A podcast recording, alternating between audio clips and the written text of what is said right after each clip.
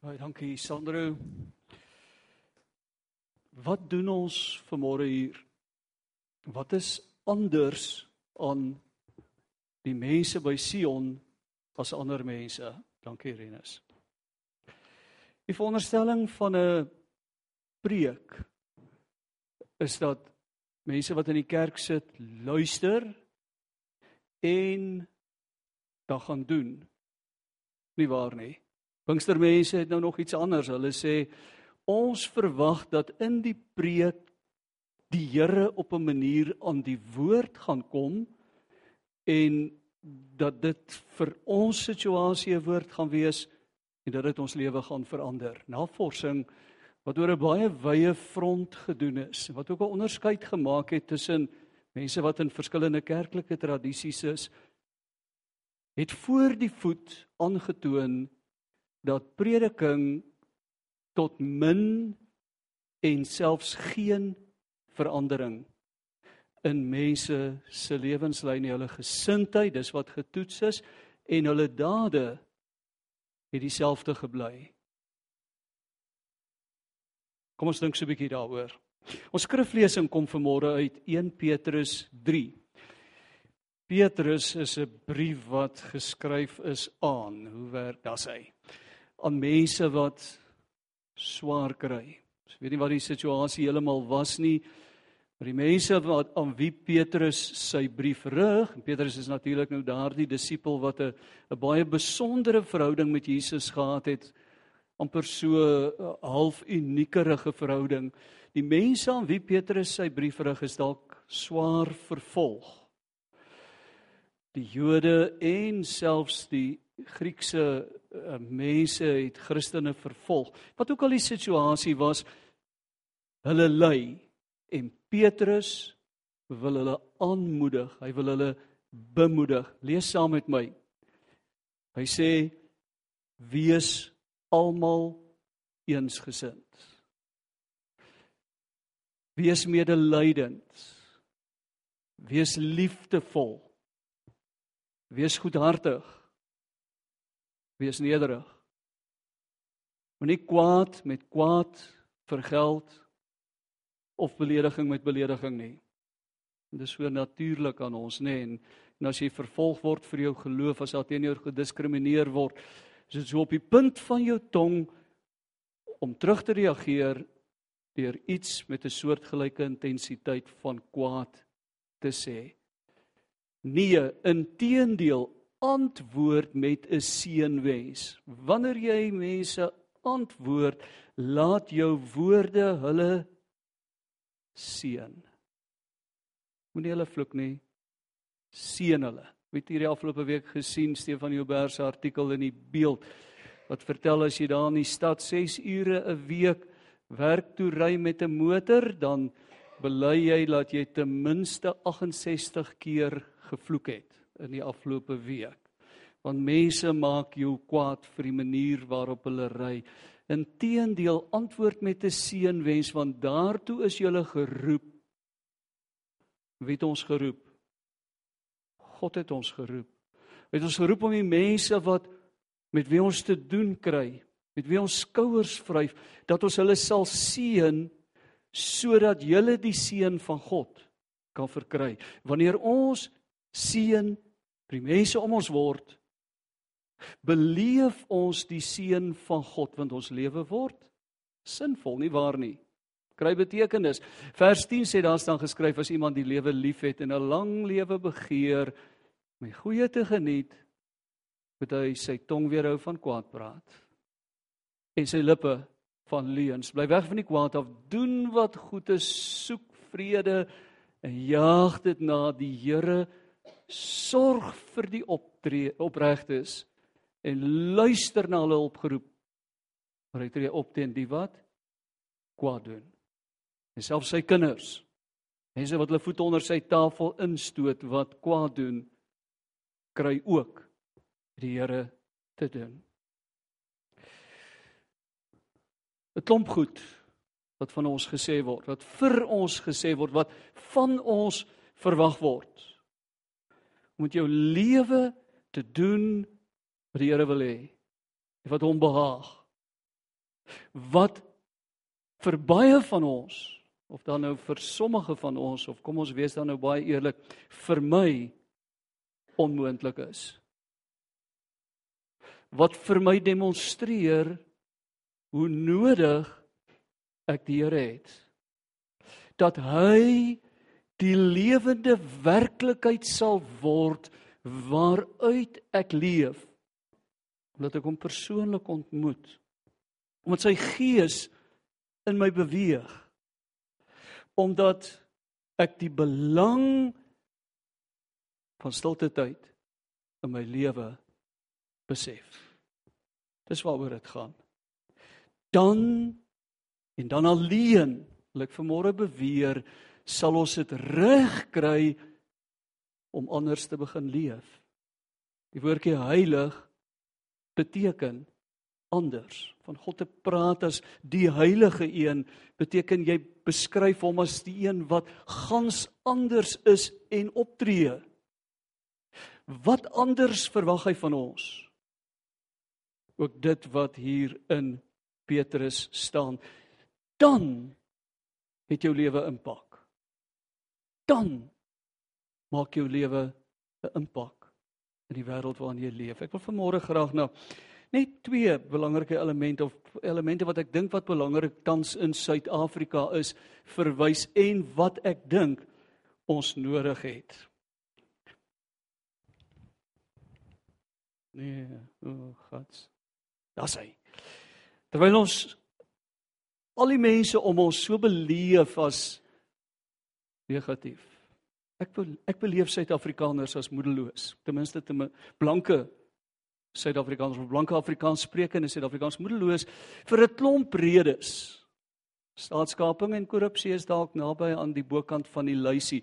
As daar nie staatskaping in Suid-Afrika was nie, was die Suid-Afrikaanse ekonomie vandag 15% groter. Dis wat staatskaping ons gekos het. En was die werkloosheidssyfer 60% laer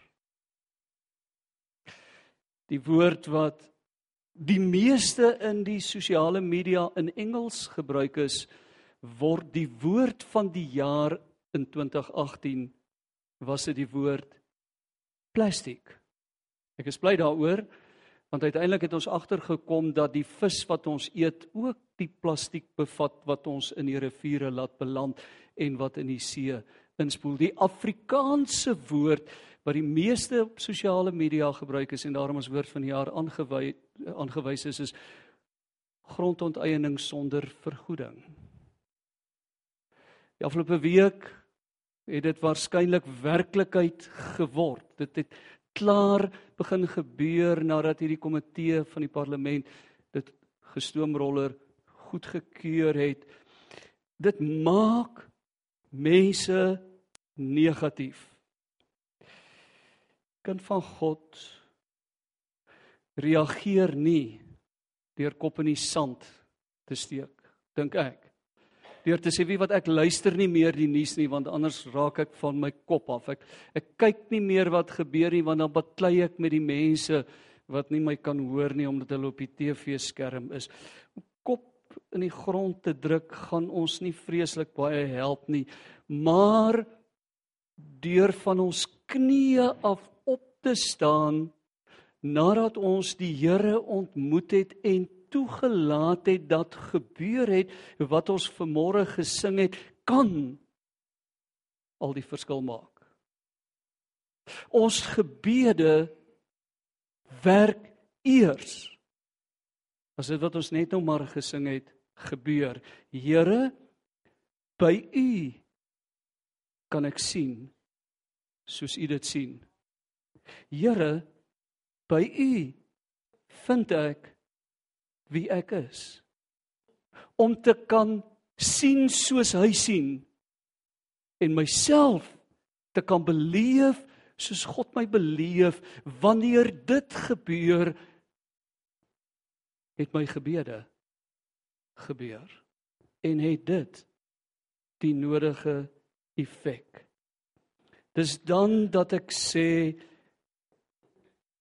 Maak nie regtig saak wat rondom my in Suid-Afrika gebeur nie. Of wat ons hier besig is om uit te speel 'n herhaling is van wat in Zimbabwe en Venezuela gebeur het en dit dieselfde effek gaan hê deurdat ons 'n inflasiekoers gaan kry wat duisende persente word omdat ons ons ekonomie finaal vernietig en die laaste belegger wat dalk nog onnosel genoeg was om hier te belê ook daarmee saam weggejaag het. Maak nie saak wat gebeur nie. Ek sien op my knieë dat God besig is met toneel reg te skuif om 'n nuwe wêreld tot stand te bring en ek beleef dat dit wat ek in hierdie wêreld ervaar God se manier is om my deur die skool te sit en later as ek geslaag het deur die kollege te sit om my bekwam te maak vir wat hy sien ek in daardie nuwe wêreld moet gaan doen. En hoe slegter dit hier gaan, hoe belangriker word die lesse wat hy my wil leer. Want ek is nie 'n burger van hierdie wêreld nie. Ek is nie in die eerste plek 'n Suid-Afrikaner nie. Ek is 'n lid van die huishouding van God en ek behoort daarom aan sy koninkryk. Trouwens, hoe beter dit gaan, het ek beleef hoe slegter gaan dit in die kerk want hoe meer raak ons aandag opgeneem deur dit wat in hierdie wêreld belangrik is. En as ons ons weer kan kry het ons God in mammon verander. En materialisme en verbruikerisme het ons hart oorgeneem.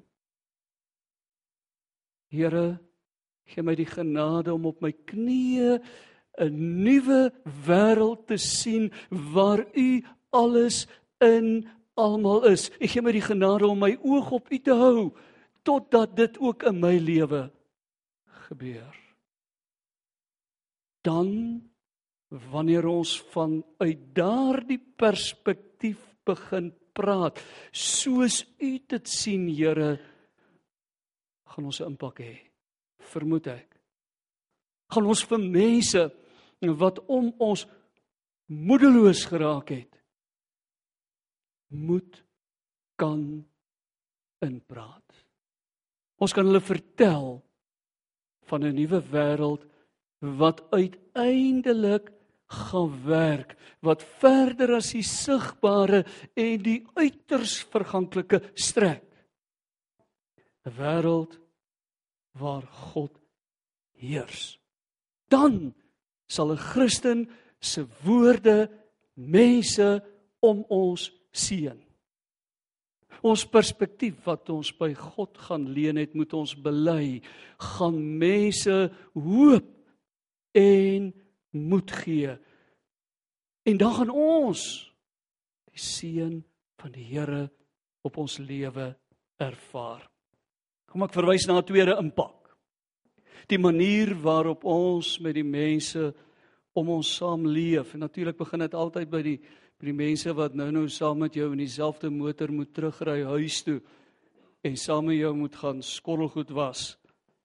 Ons huismense, maar ook ons kollegas, ons ons vriende, die mense wat vir ons werk en wat saam met ons werk dat ons uit ons ervaring van die teenwoordigheid van die Here.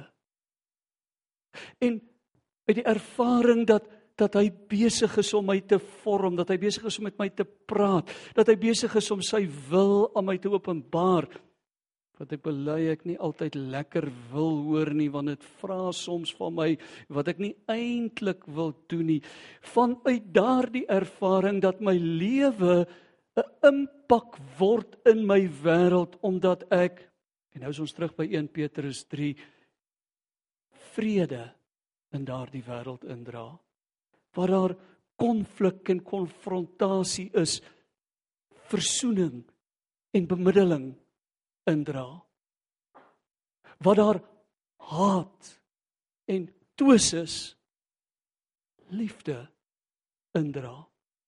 Dat my lewe die impak word wat Jesus met sy daaglikse lewe en kontak met mense verteenwoordig het. Dat my lewe daardie impak op my wêreld begin het. En wil ek wil ek weer sê kom ons stap nie vermoor hier uit en sê ek het nou maar weer gehoor wat ek weet ek nie kan regkry nie.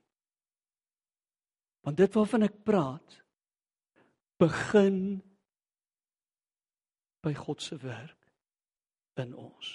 Dit begin by daardie as ek die Engelse woordjie mag gebruik, daardie encounter met hom in ons binnekamer en hier in die erediens by die selgroep of waar ek deur die lewe gaan en skielik bewus word dat die Here met my praat soms op op hoogs onkonvensionele maniere dat hy met my praat en en dat hy vir my sê sien jy hierdie situasie? Sien jy my hart?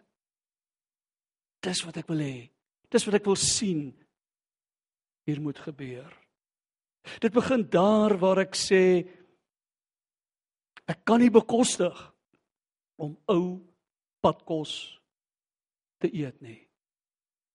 Dit is krities noodsaaklik belangriker as enigiets anders in my lewe belangriker as enige van die veel eisende en die dinge wat ek nou moet doen. Dis belangriker dat ek aansit aan die maaltyd wat die Here vandag vir my berei het.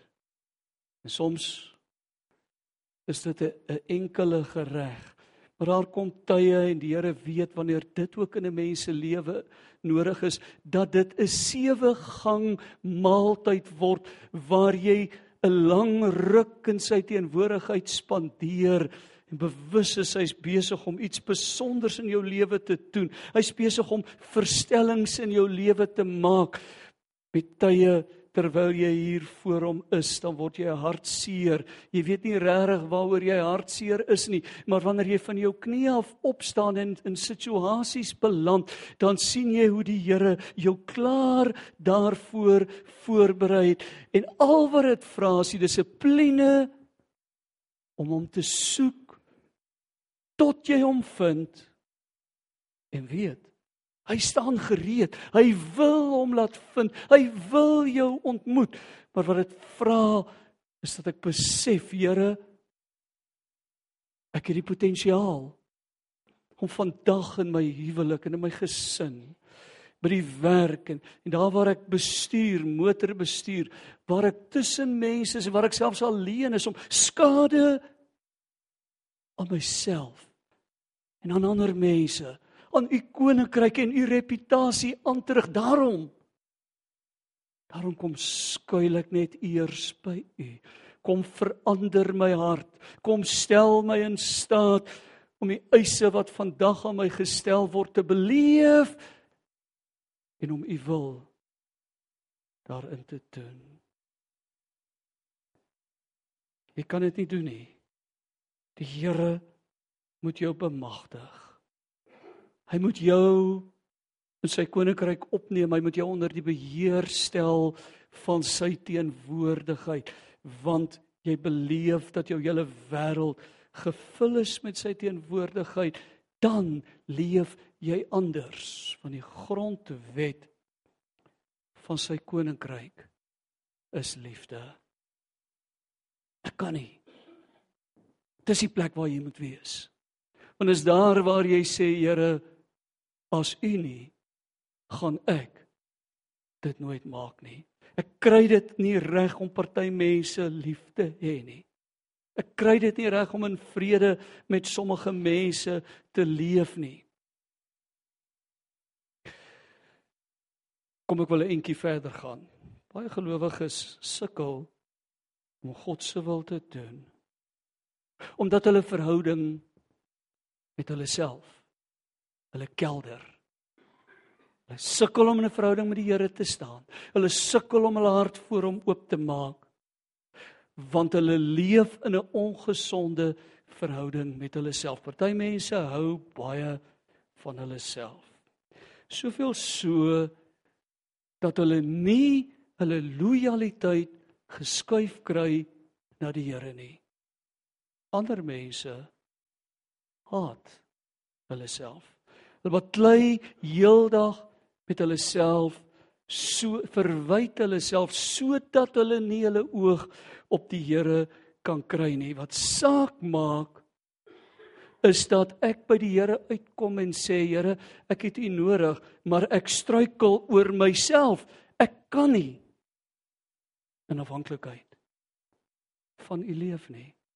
Ek kry nie eers party daar dit reg om bo oor myself te klim en by U uit te kom. Met ander woorde om my hart op U te fokus om te luister na U, om stil te word en U en U teenwoordigheid alleen te beleef nie. When all things that surround become shadows in the light of you.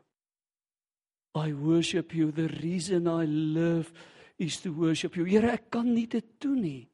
Ek kan nie my lewe in 'n vorm van aanbidding verander nie. Want ek het 'n lang stuk geskiedenis. Kom maak my heel. Kom maak my heel. En dit kan tyd neem. As jy na 'n psigoanalitikus gaan, dan buiten dat hy in jou 'n hele paar paemente sien wat hy op sy Land Rover sal kan afbetaal, sê hy ook vir jou dit gaan 'n hele ruk neem. Dit kan selfs 'n paar jaar neem voordat ons hierdie klomp goed wat met jou gebeur het op die regte plek gesit kry sodat dit sin maak sodat jy kan aangaan met jou lewe. Dieselfde geld. Ja die Here kan. Hy's die groot psigoanalitikus hy kan in 'n oomblik mens wat as kind seksueel misbruik is gesond maak feit is hy doen dit nie altyd in 'n oomblik nie soms neem dit talle sessies waar jy in sy teenwoordigheid is en waar jy jou stikkindheid beleef sodat hy jou kan heel maak. Maar dit gaan daarom dat jy uiteindelik beleef you're a good good father. That's who you are. And I'm loved by you. That's who I am. Dit gaan daarom dat ek leer om nie te dink oor myself, dat ek 'n nuwe selfbeeld skryf. Ek is 'n weergebore kind van God. As geesvervulde mens leef ek in 'n wêreld waar die Here in die eerste plek teenwoordig is. I'm a new creation, I'm a brand new man. Old things have passed away i'm born again. Here elke dag kry ek die genade om vanuit daardie nuutheid te lewe.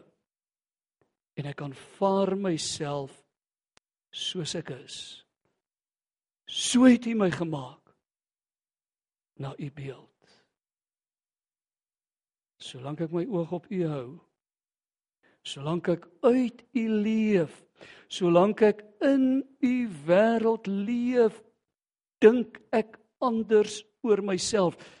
Ek is kosbaar en waardevol vir u. Dalk het jy die ervaring gehad soos ek. As jy gebou is soos ek, dan is dit 'n mens se ervaring. Hier op hoërskool kies hulle nou Die twee spanne gaan nou teen mekaar sokker speel. Mens mag mos nou nie dis al meer rugby speel nie. Dis nie meer politiek korrek nie. Sokker speel hierdie ou kaptein kies hierdie een, hy kies daai een, die een, daai een. En heel laaste sê hulle, ag jy kan maar hier by ons kom. Jy behoort nie te veel skade te maak en jy staan net daar agter. Miskien het die lewe jou nie waardeer nie. Miskien het die mense in jou wêreld jou nog nie raak gesien nie. Maar Here, ek is kosbaar en ek is waardevol vir U. U is lief vir my. En ek doen met my lewe wat U wil. My lewe het betekenis en maak 'n verskil omdat U koninkryk in my wêreld kom en dit ook ander mense seën.